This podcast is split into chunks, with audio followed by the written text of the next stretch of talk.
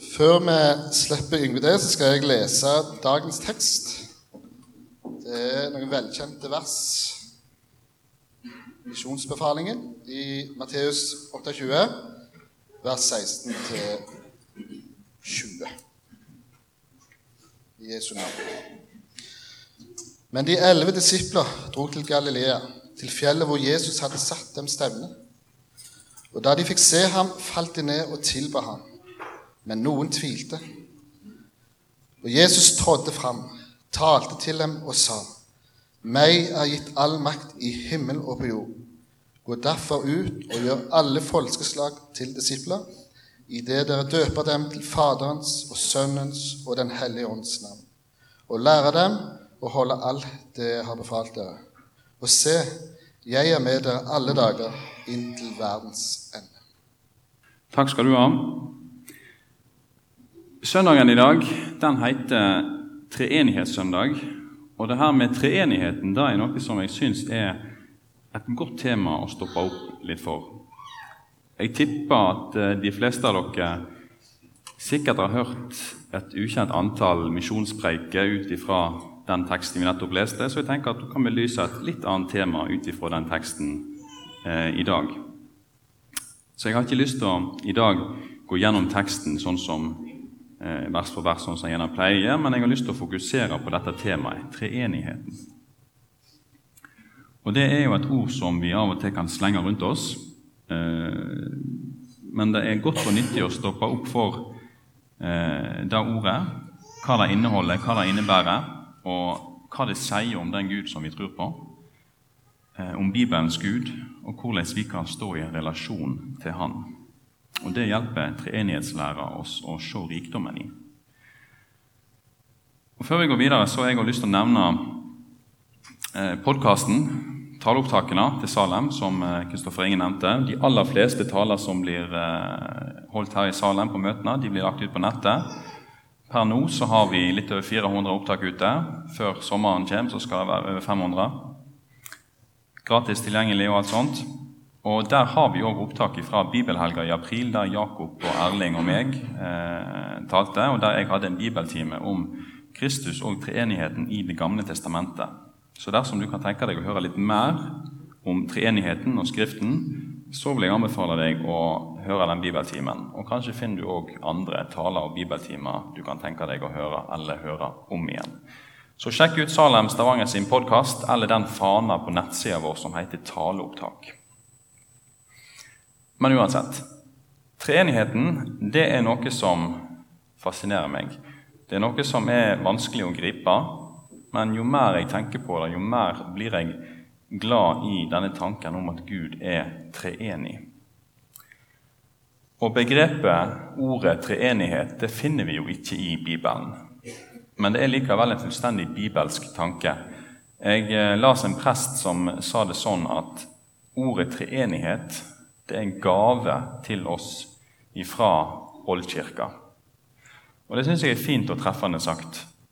For med ordet treenighet så setter en ord på noe som kristne alltid har tro på, men som det er vanskelig å gripe av. Det er vanskelig å sette ord på det, så jeg syns det er et veldig godt forsøk.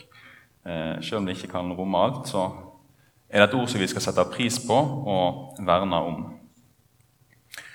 For saken er jo den at Bibelen omtaler både Faderen, Sønnen og Ånden som guddommelige. Det ser vi flere plasser, kanskje framfor alt i det som er dagens tekst, når Jesus sier i dåpsbefalingen Gå ut og gjør alle folkeslag til disipler, idet dere døper de til Faderens, Sønnens og Den hellige ånds navn. Her ser vi alle tre nevnt sammen, på like fot, uten noe differensiering mellom de eller forbehold om noe som helst. Og Vi ser det samme i velsignelsen i 2. Korinterbrev, kapittel 13, vers 13. Herren Jesu Kristi nåde, Guds kjærlighet og Den hellige ånds samfunn være med dere alle. Og Poenget med treenighetslæra er å prøve å sette ord på den måten Fader, Sønn og Ånd blir omtalt i Bibelen, og samtidig unngå at en går i bl.a. de mest vanlige fellene når det gjelder dette her, der en enten eh, gjør sånn at Faderen, Sønn og Ånd blir sammenblanda til ei stor greie, eller at Fader, Sønn og Ånd blir satt så sterke skiller imellom at de blir til tre forskjellige, separate guder. Og det, det blir feil, begge deler. Treenighetslære er ikke det samme som politisme, altså tre, truer på forskjellige guder. Bibelens Gud, han er én, og han er tre.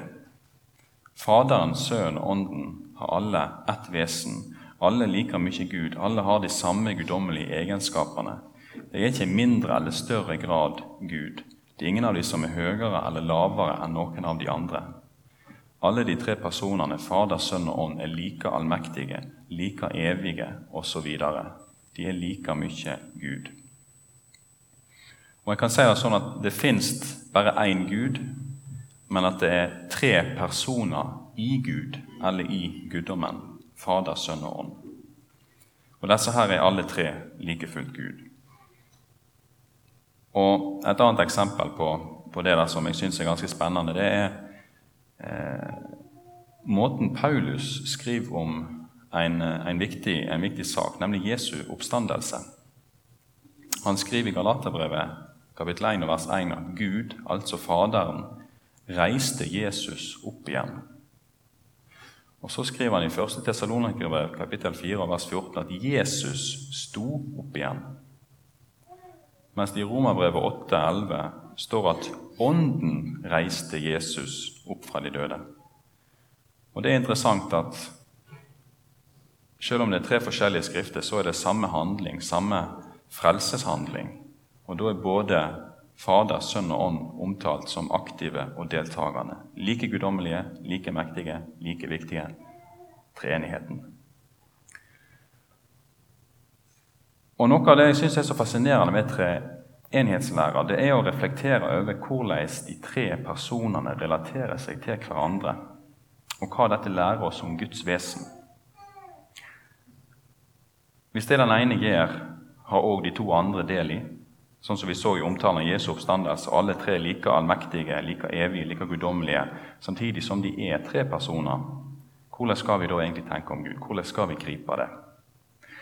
Og Det må vi nok bare innse at det klarer vi ikke å gripe fullt ut.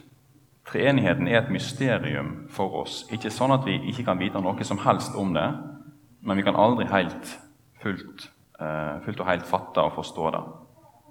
Men det er jo det jeg òg syns er så spennende. og Eh, reflektere eh, som, over treenigheten. Og Jeg nevnte nettopp at ordet treenighet det kan vi se på som en gave fra Oldkirka. Og det er enda et ord som eh, jeg syns kan komme i samme kategori, som er en god gave fra Oldkirka. Et ord som jeg har blitt veldig glad i. Og Det er et gresk ord, og det er ordet perichorese perichorese. Noen som har hørt det ordet før? Nei, det, jeg har ikke støtt på det så ofte, jeg heller, men jeg har blitt glad i det likevel. Det var den oldkirkelige teologen Gregor av Nassians som på 300-tallet brukte det først. Peri Litt grammatikk her nå, bare for å forstå det. Peri det er en preposisjon. Vi kjenner det igjen fra ord som periferi. Det kan brukes som noe som er litt omkring eller litt rundt. liksom. Chorese det kommer av det greske ordet for å danse. Det er litt vanskelig å finne et norsk ord som kan brukes på å betegne det samme som perichorese, men det skaper i alle fall hos meg bildet av noen som danser sammen, eh, danser omkring, er i stadig bevegelse, er i kontakt med hverandre, beveger seg sammen rundt omkring. Og det ordet, perichorese, det brukte den gode Gregor altså for å beskrive samspillet mellom Faderen, Sønnen og Ånden i treenigheten. Jeg syns det er et kjempegodt ord. Jeg har et bilde som vi skal få på skjermen nå, som eh, kanskje kan prøve å illustrere litt grann, eh, det der. Der, ja. Der har du liksom de tre personene som er i bevegelse, er i samspill, er i ja, jeg syns den tanken og det ordet og det bildet er så flott fordi det får fram nettopp det her. Bevegelsen, relasjonen, samspillet, nærheten. Ikke minst gleden i fellesskapet de tre personene imellom. Og samspillet og fellesskapet som Fader, Sønn og Ånd har hatt fra evighet av, det er noe, det er noe unikt, det er noe stort. Det, det, sier noe om at Gud er noe dynamisk, noe som er i bevegelse, noe relasjonelt, noe kjærlig. Gud er noe levende. Jeg syns det er bilder. Det er fullt av liv. Det er bevegelse. Det er liv over det hele. Og Det blir igjen og igjen nevnt i Bibelen. Av dette skal dere skjønne at den levende Gud er midt iblant dere, sier Josfa til israelsfolket. Herren er den sanne Gud, den levende Gud, sier profeten Jeremia. Den treenige Gud er noe dynamisk, noe virksomt, noe levende. Og Gud er i sitt vesen relasjonelt. Fader, Sønn og Ånd har alltid stått i en relasjon til hverandre. Og når menneskene ble skapt, så ble vi også skapt som relasjonelle vesen. Som det eneste av alle Guds skapninger så ble vi skapt i Hans bilde. Og det er påfallende at Når Gud skaper mennesket, så blir vi skapt nettopp som relasjonelle vesen. La oss gjøre mennesket i vårt bilde etter vår lignelse, sier Gud før mennesket blir skapt. Og så står det videre Gud skapte mennesket i sitt bilde. I Guds bilde skapte han det. Til mann og kvinne skapte han dem. Mennesket, skapt i Guds bilde, skapt etter Guds lignelse, skapt til mann og kvinne, skapt til et fellesskap, skapt til relasjoner. Hva går gudbilledlikheten i oss mennesker ut på? Det går nok ut på mange ting. Det er nok mange sider ved det. Men blant de er dette, så er dette her at Gud er et relasjonelt vesen, og han har skapt oss til å være relasjonelle, personlige vesen. Og Den likheten mellom Gud og oss tror jeg er noe av det mest sentrale. Vi er skapt til å stå i en relasjon til hverandre, til å stå i en relasjon til Gud sjøl. Jeg har møtt mennesker som ikke tror på Gud, og som har sagt at grunnen til at de ikke tror på Han, det er fordi de mener at de har ikke sett nok grunner, de har ikke sett nok bevis for å tro på Gud.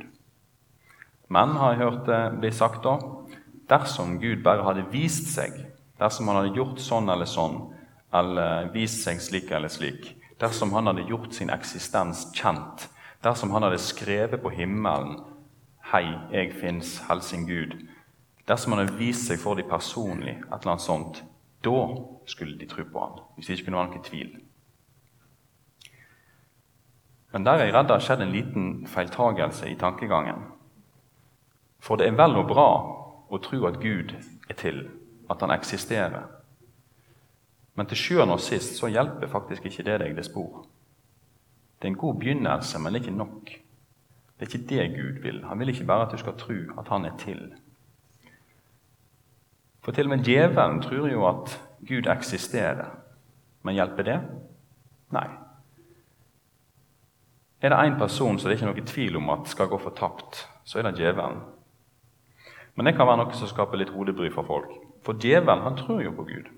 Han tror jo på Jesus og Den hellige ånd. Han vet jo utmerka godt at de finnes. Han vet jo godt hva deres gjerning går ut på. Han vet utmerka godt at Jesus døde på korset for alle verdens synder. Det er ikke tvil i hans hjerte om det. Han tror jo på at Jesus sto opp igjen. Sørgmodig vet han at Jesus overvant døden og har blitt gitt all makt. Han tror jo det. Han vet jo det. Men hvorfor skal han da gå fortapt, hvis han tror alt dette her? Grunnen er enkel. Gud vil ikke bare at folk skal vite om ham, at de skal tro at han er til. Det er en god start, men ikke det som er avgjørende. Det Gud vil, det er at vi skal stå i en meningsfylt, kjærlig relasjon til ham. At vi skal ha fellesskap med ham. At vi ikke bare skal vite om ham, men at vi skal kjenne ham. At vi skal stå i en relasjon til hverandre, til Gud og til oss mennesker. Som jeg nevnte i stad, så er Gud et relasjonelt vesen.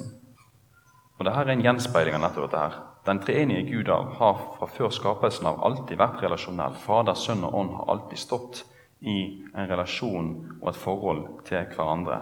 De har levd i et fullkomment fellesskap med hverandre og Sånn var det fra skapelsen av meninga at vi mennesker òg skulle eh, leve. Vi skulle ha del i dette fellesskapet. Og etter at menneskene synda og gjorde opprør mot Gud og vendte han ryggen, så inviterer Gud oss igjen inn i dette fellesskapet ved trua på Jesus. Gud er en levende Gud. Han er ikke noen død steinstatue eller et annet avgudsbilde som, som, vi, som, vi, tror på. Han er en levende, dynamisk og relasjonell Gud som inviterer oss til å ha del i det fullkomne fellesskapet som han har. Og det fellesskapet der, det er det djevelen avviser. Det fellesskapet vil ikke han ha del i. Der vil ikke Han Han vet om at Gud fins, han vet om at Jesus døde, men han vil ikke ha del i det. Han vil ikke ha del i det fellesskapet. Og Det fellesskapet det har han ikke nødvendigvis del i hvis en ganske enkelt bare tror at Gud er til. Om han skulle skrive på himmelen daglig med nye beskjeder om at 'hei, jeg fins', som alle kunne lese og kunne se over hele verden, eh, så alle kunne Ingen hadde tvilt på at Gud var til og eksisterte. Så er det ikke sikkert at flere mennesker hadde ville stått i noen meningsfull relasjon til Gud. Hvis Gud hadde gjort sånn, skrevet på himmelen hver dag, så hadde kanskje folk fått han opp i halsen, fått helt nok av ham, avvist han bare sterkere. Det er ikke det Gud vil. Han ønsker relasjon. Han ønsker fellesskapet. At vi ved trua på Jesus, tilliten til hans frelsesverk, får del i dette fellesskapet og denne relasjonen.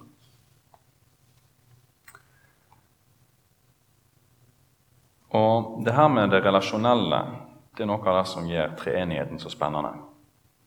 Vi kunne kanskje ønske at Gud var litt enklere, litt lettere for oss å forstå. Men da ville en støtt på andre problem. Eh, selv om vi kan streve med å forstå treenigheten av og til ønske at det hele var enklere å fatte, litt mindre komplisert, så tror jeg ikke at det hadde hjulpet. Jeg så i, i teologistudiet på Fjellhaug hvor ille det kunne ende opp hvis eller gjennom historien, når folk har forsøkt å lansere sine egne løsninger og egne varianter av Gud. Og Det gjorde at jeg begynte å verdsette treenigheten, eh, sånn som Bibelen legger fram, enda mer. Og Det kan være nyttig, og det opplevde jeg som nyttig, å se, eh, sammenligne litt det som Bibelen sier, og det som eh, ja, andre måter å tenke om Gud på. For jeg opplevde at det fikk fram storheten til Gud det store i den treenige Gud. Så jeg tenkte vi skulle se litt på, bare for sammenligningens skyld, på den guddom som våre muslimske venner tror på, Allah, bare for å tydeliggjøre eh, forskjellene litt og, og, hvordan de henger sammen. I islam så har de en tanke om at Gud er Unnskyld, Allah er fullstendig enhetlig. Tanken på treenigheten er totalt fremmed for en muslim. Det, det vekker avsky, kanskje. Allah sin enhet er total.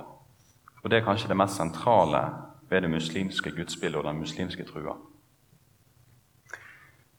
Men hvor er det relasjonelle i et sånt gudsbilde?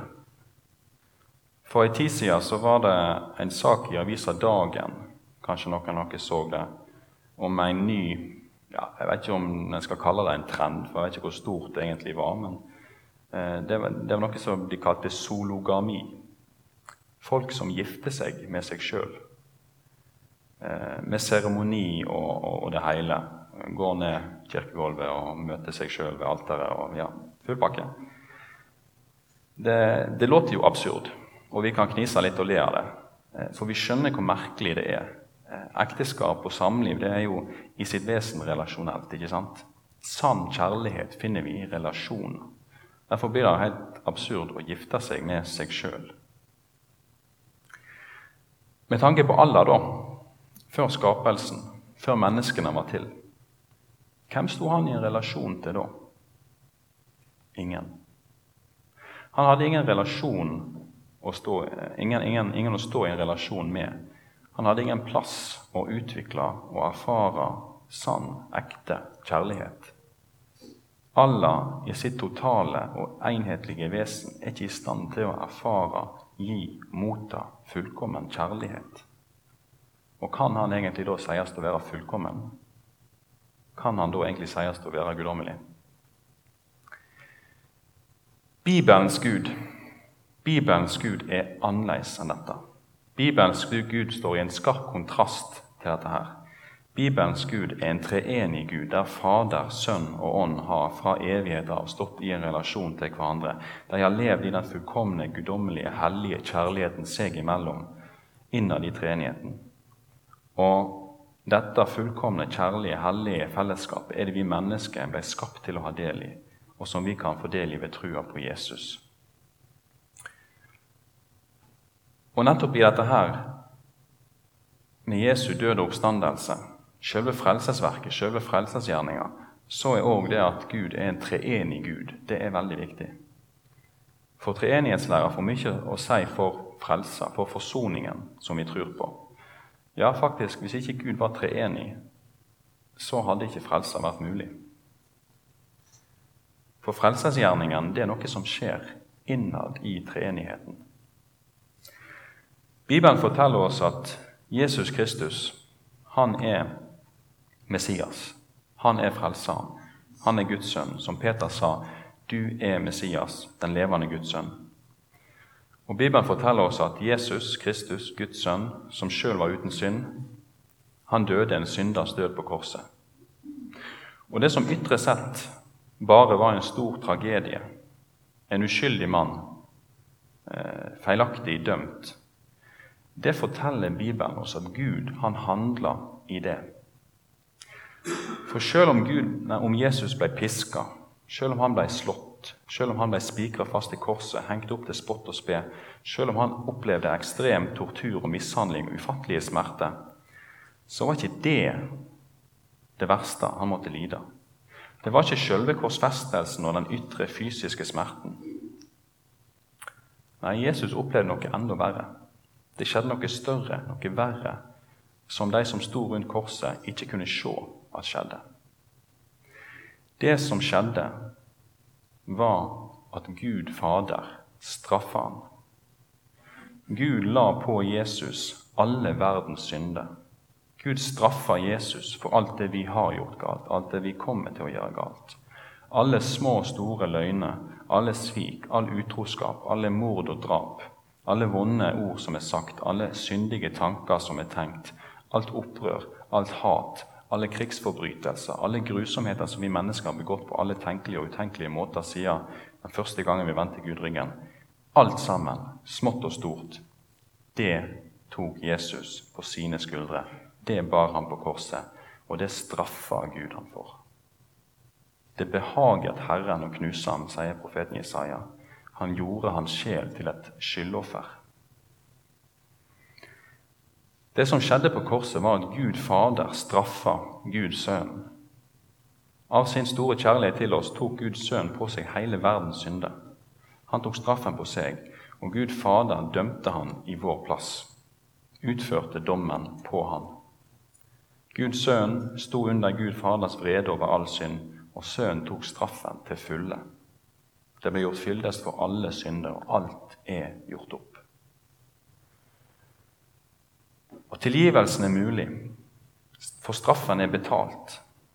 Og det her ble gjort innad i treenigheten. Det var et oppgjør i Gud. Det var Faderen som dømte og straffa. Det var Sønnen som ble straffa, som betalte skylda. Og da er dommen rettferdig. Straffen er sona. Skylda er betalt. Tilgivelsen er mulig og Gud sjøl har ordna opp i alt. Gud demonstrerte sin kjærlighet til oss ved at han gikk til handling for å frelse oss. Han demonstrerte sin rettferdighet ved korrekt å dømme og straffe Jesus. Og på grunnlag av at alt allerede er gjort opp, kan han òg demonstrere sin tilgivelse. Og igjen så kan vi jo prøve å se for oss alternativene. Trengte Gud å straffe synd? Trengte han å dømme? Se for deg en forbryter som står foran en dommer her på jord. Saken er klar, han er skyldig. Men så sier dommeren, 'Du kan gå. Jeg tilgir deg. Du er fri.'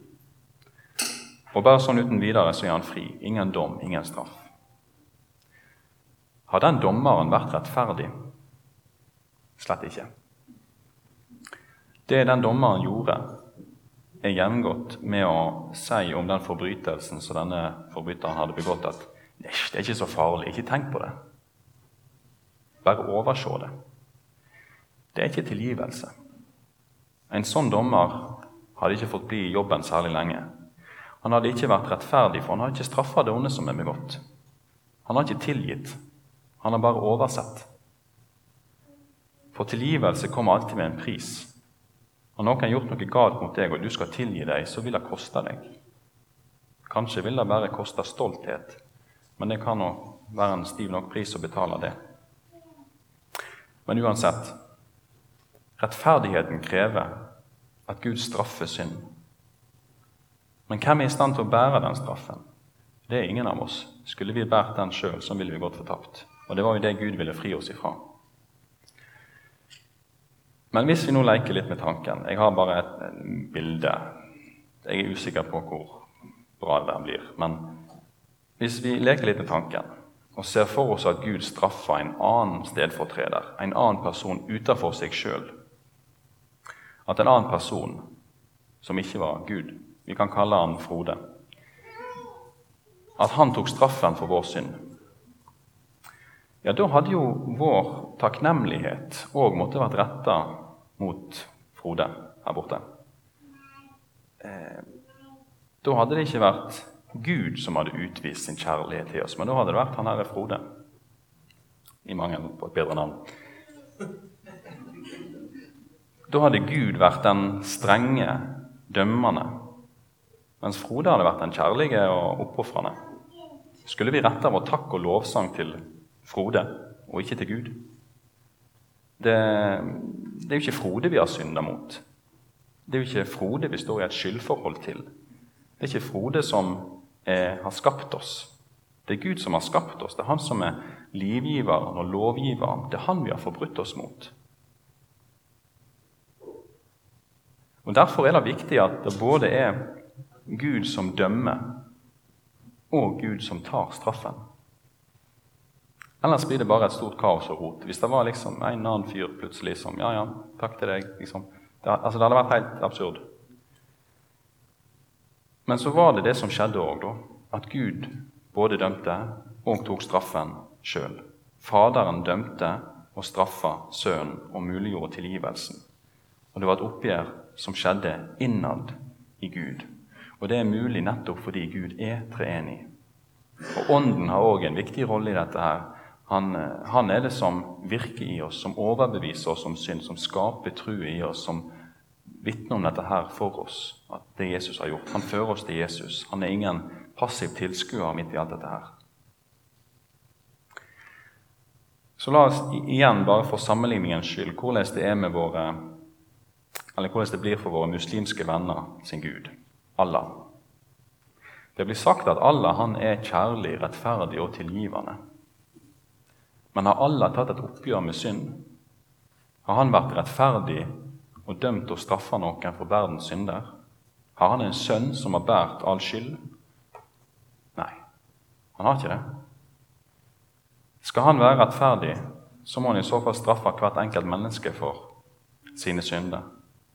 Men da vil jeg gå fortapt, og da er ikke det noe særlig kjærlighet å skryte av. Hvis Allah skal tilgi, har han noe grunnlag å tilgi på? Nei.